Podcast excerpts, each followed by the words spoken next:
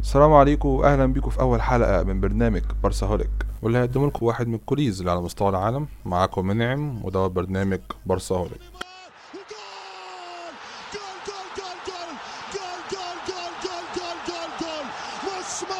مش ممكن مش ممكن البارسا يقلب الطاولة البارسا يقلب الطاولة من الدقيقة 87 النتيجة 3-1 البارسا يحتاج ثلاثة جوال فعلوها جمهور الكامب نو في الكامب نو جمهور البارسا في الكامب نو ال remontada de historia ال remontada انطولوجية تاريخية ازيكم يا جماعة؟ عاملين إيه؟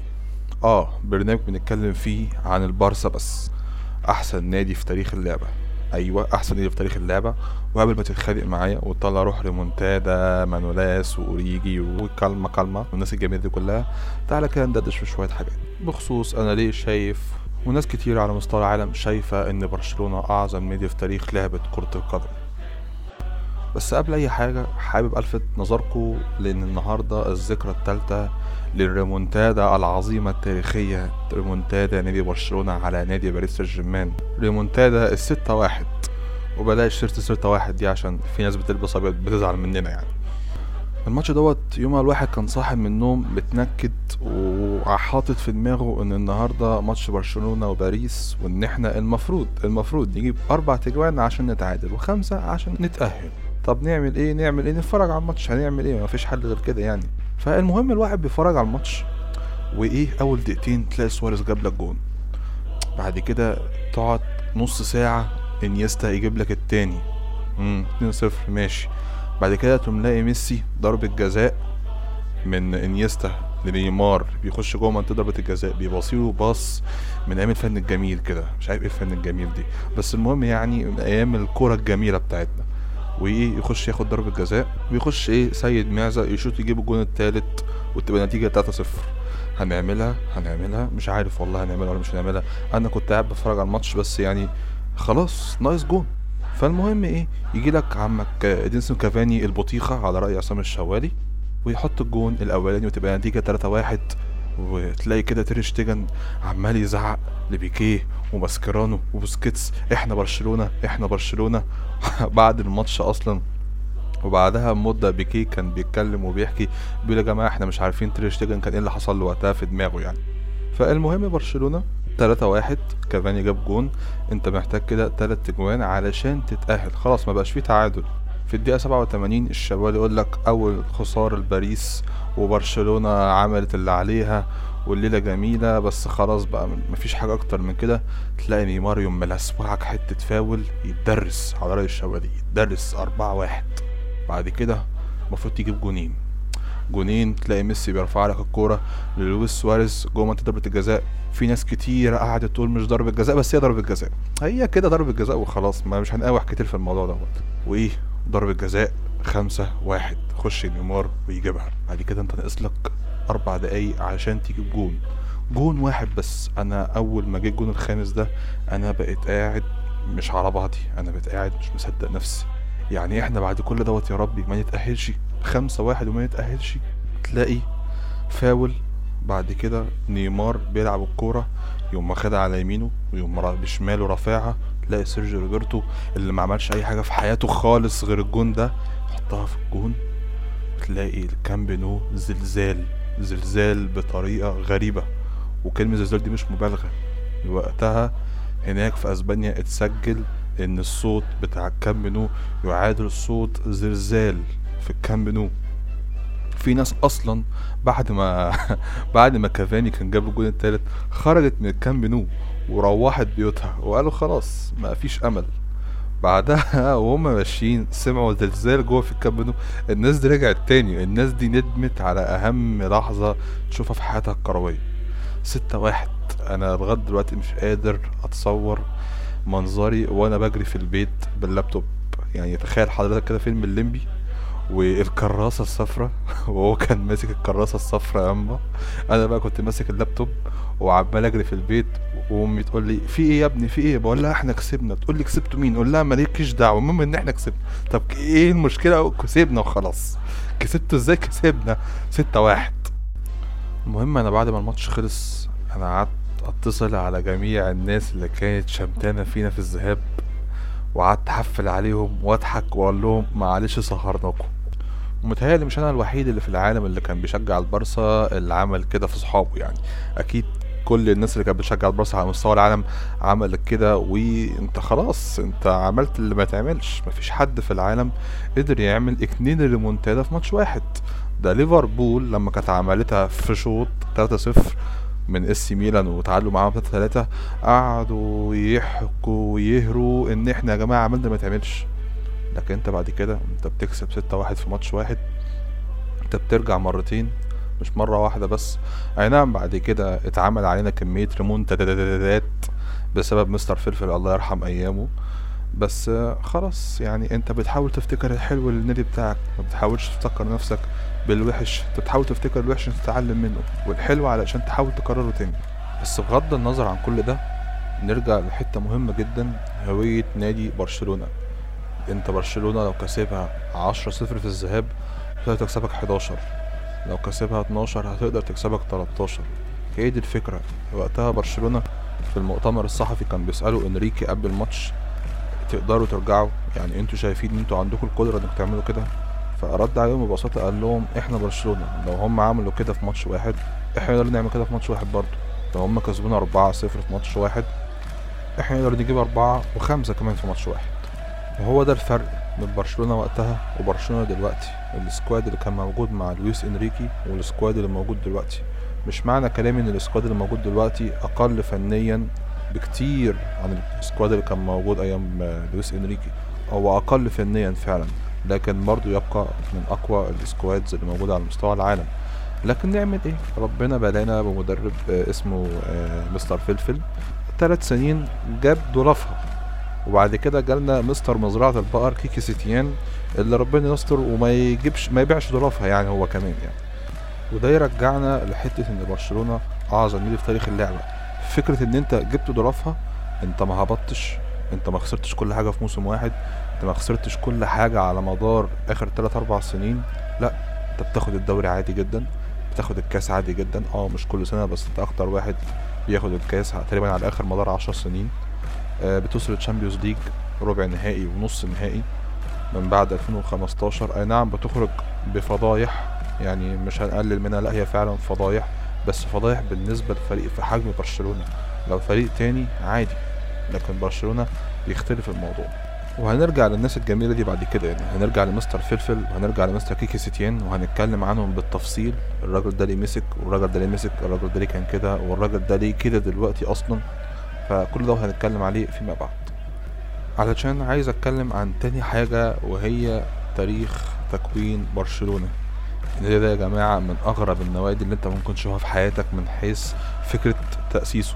ويعني هو ليه اتعمل ومين اللي عمله وكان بيفكر في إن هو بيعمله. يعني ودي أسئلة هي مش وجودية بس هي أسئلة فعلا آه، لأ أنت لما تيجي تبص على الإجابة بتاعتها إجابات غريبة وممتعة جدا. أنت بتتكلم برشلونة هو اتأسس سنة 1899 كان آه، كده واحد اسمه خوان جمبر اللي بالمناسبة دلوقتي موجود على روحه يعني كاس خوان جمبر اللي بيتعمل كل سنة.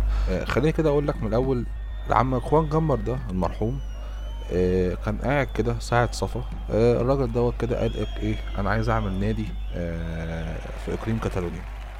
فقام راح زي أي شاب جميل عمل إعلان في جورنال يا جماعة إحنا عايزين نعمل نادي في اقليم كاتالونيا في أسبانيا. آه يا ريت حد إيه يعمل معايا النية دوت. معرفش الاعلان كان بالظبط كده ولا لأ بس هو ده كان مضمون الإعلان. فالمهم الراجل دوت وعشر لعيبة تانيين اجتمعوا مع بعض. تحس إن هم كانوا رايحين حجز كورة في نادي شباب طلائع كاتالونيا. واللي بالمناسبة ال 11 لاعب دول ما كانوش أسبان. يعني أنت بتتكلم في نادي المؤسسين بتوعه مش أسبان. خوان جمر ده أصلا واحد سويسري. وكان في اتنين انجليز على أسبان على جنسيات تانية من أوروبا. المهم الشباب اتفقوا وعملوا النادي. بعد كده إيه دخلوا في البطولات اللي موجودة في أسبانيا بطولة زي بطولة الكوبا del ري بطولة كأس الملك اللي بتقام لغاية دلوقتي. آه، بطولة موجودة كاس كان موجود في إقليم كاتالونيا. ومشيت العجلة على كده وزي ما بيقولوا the rest was history. History نادي برشلونة. واللي هنتكلم عنه بالتفصيل الحلقات الجاية إن شاء الله واللي هنقسمه على أجزاء لأن برشلونة تقدر تقسمها على تلات أجزاء التاريخ بتاعها التكوين بتاعها بعد كده الفترة اللي هي من بداية الحرب الأهلية لغاية بعد كده في السبعينات والتمانينات. بعد كده بقى السبعينات والتمانينات لغاية دلوقتي برشلونة بقت فرقة تانية خالص عن اللي اتأسست عنه زمان. والفترة اللي هي زي ما بقول فترة الحرب العالمية وفترة الحرب الأهلية والفترة اللي كان مليانة حروب وكان فيها مشاكل كتير قوي على برشلونة. ولما بقول إن برشلونة اتغيرت في السبعينات والثمانينات فده بسبب سياسة إدارة النادي واللعيبة اللي جت النادي والمدربين اللي مسكوا النادي. بتتكلم عن واحد زي يوهان كرويف اللي مش هيقدر نقول في ناس كتيرة فاكرة إن هو اللي ابتدع خطة الكرة الشاملة وال sexy football والتيكي تاكا اللي هي أصلا ما كانتش موجودة وقتها. ده دوت مصطلح أدخل على اللعبة من بعد ما بيب مسك برشلونة. لكن يوهان كرويف الفترة بتاعته كلاعب مع المدرب اللي كان موجود معاه هيرينو هيريرا الاتنين دول غيروا في برشلونة بطريقة غريبة جدا. وهي غريبة عن الفترة اللي كانت وقتها الكورة كانت ماشية في العالم إزاي.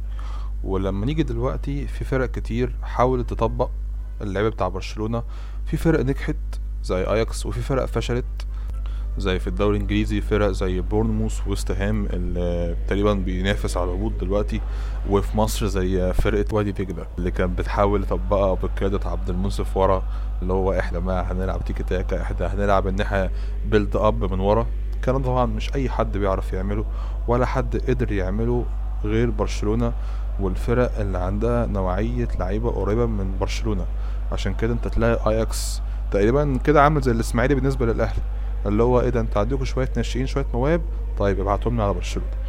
وطالما جبنا سيرة اللعيبة اللي لعبت في تاريخ برشلونة فأكيد هنتكلم عن أعظم وأهم لعيبة مرت على تاريخ برشلونة. تاريخ برشلونة إيه؟ تاريخ لعبة كرة القدم. انت بتتكلم إن برشلونة قدمت لعيبة من أعظم اللعيبة اللي لعبت الكورة على مستوى التاريخ. بتتكلم عن رونالدينيو بتتكلم عن رونالدو بتتكلم عن ريفالدو بتتكلم عن روماريو بتتكلم عن نيمار. دول بالنسبة للبرازيليين عندك في الأرجنتين عندك مارادونا عندك الكلمي عندك لعيبة كتير. في أوروبا برضو مش هنقعد نتكلم كتير. وبرضو كل دول طبعا كوم وسيد معزة كوم تاني اللي هنخصص له حلقة بنتكلم فيها عن ليه سيد معزة دوت. هو أولا ليه بقى اسمه سيد معزة؟ ده هيبقى أهم سؤال في الحلقة ليه بقى اسمه سيد معزة؟ وهنتكلم برضو الراجل دوت ليه أصلا جه برشلونة؟ الراجل ده ليه بقى هو دلوقتي the GOAT ليونيل ميسي أعظم لعيب في تاريخ الكورة غصب عن أي حد. معلش بقى اللي يزعل يزعل هنتكلم برضو عن واحد من أمهر اللعيبة في تاريخ لعبة كرة القدم اللي لم يكن أمهرهم واللي بالنسبة لي وبالنسبة لناس كتيرة هو أمتع لعيب تتفرج عليه رونالدينيو. اللي هو مسجون دلوقتي. الراجل ماسكينه باسبور مزور وقصة كده يعني. فالراجل حاليا يعني حالته تصعب على الكافر مش عارف الراجل ده إزاي وصل نفسه لحالة زي ديت. الراجل ده كان أمتع لعيب لمس الكورة أمتع من ليونيل ميسي ذات نفسه أمتع من كان من جميع اللعيبة اللي لعبت الكورة. لكن الحاجة الوحيدة اللي تقف قدام إن ده تقدر تسميه أحسن نادي في تاريخ لعبة كرة القدم وهو سبحان الله اللي هو أكتر واحد مفروض يكون همه على النادي ويكون مصلحته النادي بالنسبة له هي رقم واحد وهي الإدارة. الإدارة اللي محدش عارف يمسك لها ماسكة تقريبا بآخر عشرين سنة أو خمسة وعشرين سنة. تتكلم عن إدارة كرسي رئيس مجلس الإدارة أكتر كرسي سخن موجود في أوروبا. اللي بيقعد على الكرسي ده ما ما فيش يا مرحمين. الكرسي دوت يعني يا جماعة لو قلتلكوا إن هو أسخن من كرسي نادي الزمالك مع احترامي لنادي الزمالك فأنا مش بأفور ومش ببالغ لأن الكرسي دوت حصلت عليه كمية مشاكل وكمية صدامات على مستوى تاريخ نادي برشلونة. الكرسي دوت مش مجرد صدامات بس داخلية ما بين مرشح ومرشح لأ الكرسي دوت من يوم ما أول رئيس نادي برشلونة كمية مشاكل بسبب الإدارة بتاعت برشلونة. مشاكل سياسية مشاكل رياضية مشاكل اقتصادية. وعبي يا باشا حط في قلبك وعبي. فما تشغلش دماغك يعني بالموضوع المشاكل دي, دي لسه كتير هنتكلم فيها. وبس يا سيدي إحنا كده وصلنا لآخر أول حلقة أو نقدر نسميه pilot بودكاست بارساهوليك اللي إن شاء الله هقدمه لكم أنا هنزل أعرفكم بنفسي. أنا أحمد عبد المنعم مهندس معماري وتقدر تسميني واحد من ال culés اللي على مستوى العالم لنادي برشلونة. يا رب تكون الحلقة عجبتكم واستمتعتوا بيها وكنت ضيف خفيف على قلوبكم. وإن شاء الله تستمتعوا بالحلقات الجاية من برنامج بارساهوليك واللي وعدكم مش مجرد بس الكتالان اللي هيستمتعوا بالبرنامج لا إحنا كلنا جماهير الكورة واللي بنحب الكورة وخصوصا الغريم التقليدي نادي برشلونة العدو اللدود بتاعنا ريال مدريد. لأن دوت أكتر نادي مرتبط ببرشلونة على مدار التاريخ. فحتى هتلاقي في البودكاست في الحلقات الجاية إن شاء الله هتلاقي أكتر نادي بتيجي سيرته بعد برشلونة هو ريال مدريد. ده شيء طبيعي زي نادي الأهلي ونادي الزمالك. أنا ببساطة إخواتي الاتنين بيشجعوا ريال مدريد. أنا الوحيد اللي طلعت عاق وبشجع برشلونة. وبس كده. استنوا إن شاء الله الأسبوع الجاي حلقة جديدة من بودكاست بورصالك افتكروا دايما إن برشلونة ميسكا انكلو